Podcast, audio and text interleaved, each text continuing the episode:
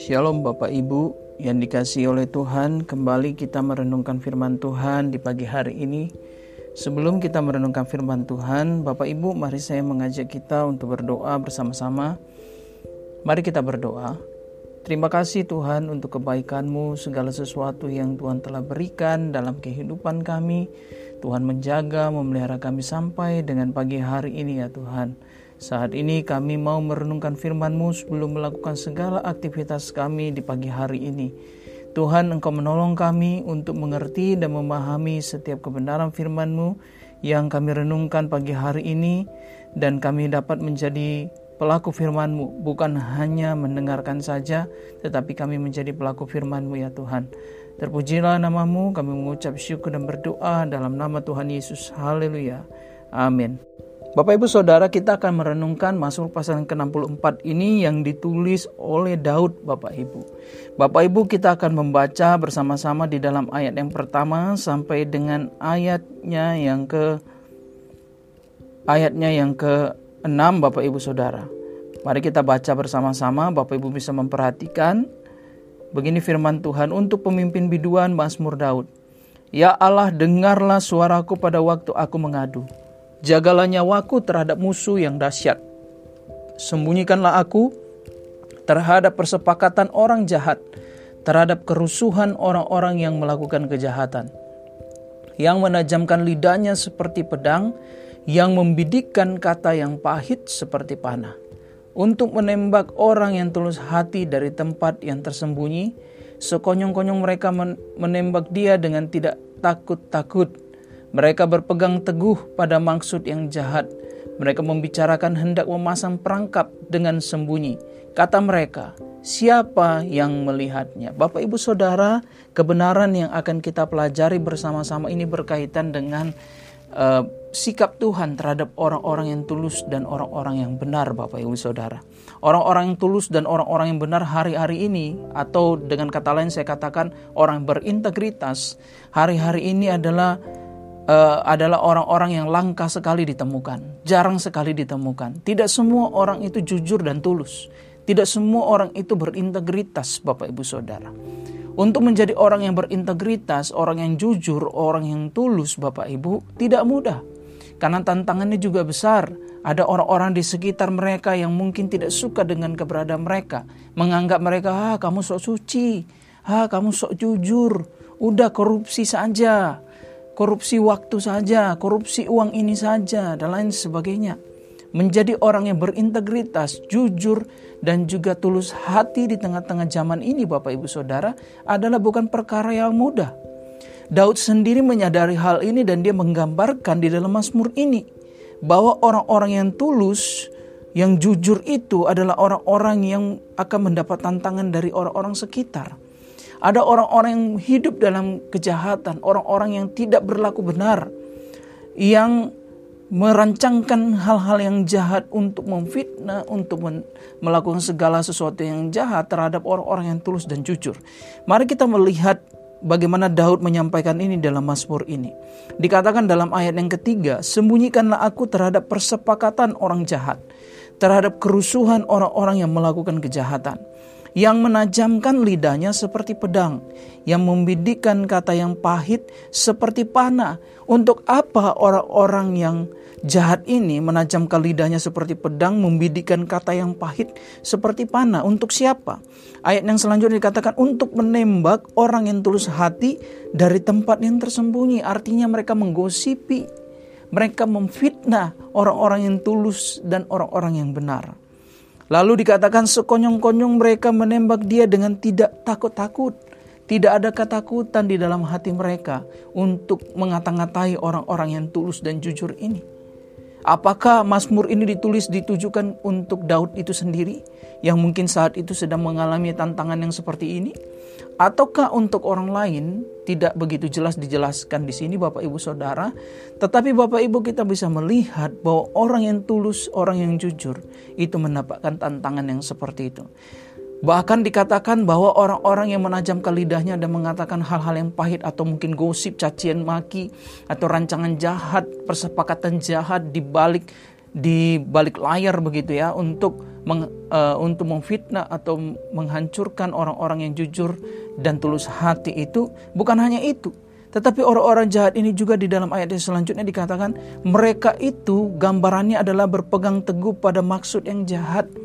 Pegangan mereka sama sekali bukanlah kebenaran. Mereka berpegang kepada sesuatu yang jahat. Bahkan mereka membicarakan hendak memasang perangkap dengan sembunyi sehingga menjebak orang-orang yang tulus, orang yang jujur dan orang yang benar ini. Mereka merencanakan jebakan, merencanakan sesuatu untuk membuat orang-orang jujur ini terperangkap di dalam persembunyian. Lalu kemudian mereka melakukan itu tanpa merasa bersalah. Bahkan mereka mengatakan dengan nada yang ejekan mungkin, siapa yang melihatnya? Kan gak ada yang tahu kalau aku merancangkan sesuatu yang jahat ini. Kita menjebak orang-orang yang jujur dan tulus. Nah, Bapak Ibu Saudara, kemudian dikatakan yang di selanjutnya Daud mengatakan mereka merancangkan kecurangan-kecurangan. Bahkan mengatakan kami sudah siap, rancangan sudah rampung. Alangkah dalamnya batin dan hati orang. Daud menyadari betul bahwa orang-orang yang bertindak dalam kejahatan ini, berbuat dalam kejahatan ini, adalah orang-orang yang tidak dapat dengan mudah dikenali. Hati dan batin orang seperti ini tidak mudah dikenali. Ada musuh di dalam selimut. Ada istilah seperti itu Bapak Ibu Saudara. Daud menyadari akan hal ini bahwa orang-orang yang tulus dan jujur hati itu tidak mudah untuk hidup di dunia ini Bapak Ibu Saudara. Lalu apa tindakan Allah dengan hal ini Bapak Ibu? Nanti kita akan melihat dan belajar dan memperhatikan bersama-sama bagaimana Allah bertindak kepada orang-orang yang seperti ini. Namun Bapak Ibu Saudara, ungkapan Daud ini adalah sesuatu yang benar, bahkan masih relevan sampai hari-hari ini.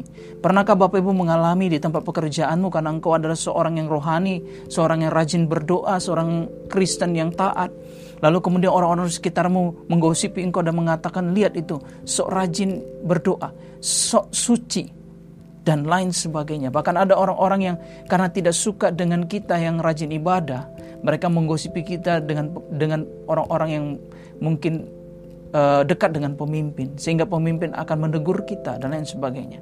Atau mungkin engkau di kalangan sekolah, engkau masih masih bersekolah. Mungkinkah engkau pernah mengalami hal yang seperti ini? Ketika engkau hidup benar, engkau hidup jujur, engkau hidup tulus, engkau hidup dalam kebenaran, kemudian ada orang-orang yang menggosipi engkau, orang-orang yang mencoba menjebak engkau karena engkau tulus dan jujur. Tidak mudah menjadi orang yang berintegritas, menjadi orang yang tulus, menjadi orang yang jujur di tengah-tengah kehidupan ini. Namun Bapak Ibu Saudara, ini kebenaran yang akan kita pelajari. Bahwa Allah tidak tinggal diam ketika kita mengalami ketidakadilan oleh karena kita hidup benar di dalam Tuhan. Di dalam ayat yang selanjutnya, di dalam ayat yang ke-8 dikatakan begini Bapak Ibu. Tetapi Allah menembak mereka dengan panah. Sekonyong-konyong mereka terluka. Ia membuat mereka tergelincir karena lidah mereka. Setiap orang yang melihat mereka menggeleng kepala. Apa arti daripada ungkapan ini? Saya simpulkan Bapak Ibu Saudara, saya sederhanakan bahwa Allah membalas mereka. Orang-orang yang merancangkan kejahatan bagi orang-orang yang tulus, orang-orang yang benar hidupnya, akan mendapatkan balasan dari Allah. Apa balasannya? Kalau saya melihat, kita melihat di dalam ayat-ayat ini, maka kita akan tahu bahwa mereka dipermalukan oleh Tuhan. Sehingga orang-orang yang merancangkan kejahatan itu akan menjadi tontonan orang. Dan orang-orang yang melihat mereka yang berbuat jahat itu akan menggelengkan kepala. Sungguh mereka itu adalah orang-orang yang jahat. Ayat selanjutnya dikatakan maka semua orang takut dan memberitakan perbuatan Allah dan mengakui pekerjaannya. Orang benar akan bersuka cita karena Tuhan dan berlindung padanya semua orang yang jujur akan bermegah. Pada akhirnya Bapak Ibu kemenangan akan menjadi bagian orang-orang yang benar dan orang-orang yang berlindung kepada Tuhan. Bapak Ibu tidak perlu takut jika engkau mengalami ketidakadilan oleh karena engkau hidup benar di tengah-tengah dunia ini. Karena cepat atau lambat menurut waktunya Tuhan, Tuhan akan menghukum mereka. Tuhan akan membalas mereka sehingga mereka terluka. Dan pada akhirnya mereka dipermalukan oleh karena perbuatan mereka itu Bapak Ibu Saudara. Kemudian Bapak Ibu Saudara, dengan apa yang terjadi itu, kita mempermuliakan Allah bahwa Allah tidak tinggal diam ketika kita mengalami hal-hal yang seperti ini Bapak Ibu. Bahkan kita akan bersuka cita dan bermegah karena Allah sumber perlindungan menyatakan kuasanya, menyatakan bahwa dia adalah Allah yang benar, Allah yang berpihak kepada orang-orang yang benar dan orang-orang yang berlindung kepadanya, yaitu orang-orang yang jujur hatinya Bapak Ibu Saudara. Tidak mudah menjadi orang yang berintegritas dan orang yang jujur Bapak Ibu. Tetapi mari jadilah tetaplah menjadi orang yang berintegritas. Tetaplah jujur, tetaplah menjadi orang yang yang tulus hatinya Bapak Ibu. Sekalipun mungkin tantangan berat ada dalam kehidupanmu. Orang-orang di sekitarmu tidak mendukung engkau. Tetaplah seperti itu. Karena Allah akan membela perkaramu. Amin Bapak Ibu Saudara. Kita belajar renungan ini Bapak Ibu bahwa Allah ternyata tidak tinggal diam dengan apa yang kita alami. Allah tidak tinggal diam ketika kita mengalami ketidakadilan. Allah tidak tinggal diam dan membiarkan kita ketika kita mengalami penganiayaan oleh karena kita hidup benar, oleh karena kita jujur. Tuhan akan menolong kita dan Tuhan yang sebagai yang adalah perlindungan kita tidak akan tinggal diam kepada orang-orang yang merancangkan kejahatan kepada kita Bapak Ibu Saudara. Amin Bapak Ibu Saudara, mari kita berdoa. Kami bersyukur untuk kebenaran-Mu yang sudah kami renungkan pagi hari ini. Tuhan kami mendapatkan kekuatan yang baru, mendapatkan pengajaran yang baru, bahwa Tuhan adalah Allah bagi orang-orang benar dan tulus. Tuhan akan berpihak kepada orang-orang benar dan orang-orang yang tulus. Dan kami tidak perlu takut untuk selalu hidup benar, untuk selalu berpihak kepada kebenaran, karena Allah akan membela kami. Terima kasih untuk kebenaran firman-Mu yang sudah menguatkan kami kembali dan kami mau selalu hidup benar di dalam Tuhan dan kami akan melihat bahwa Allah turut bekerja mendatangkan kebaikan bagi setiap kami. Haleluya, haleluya.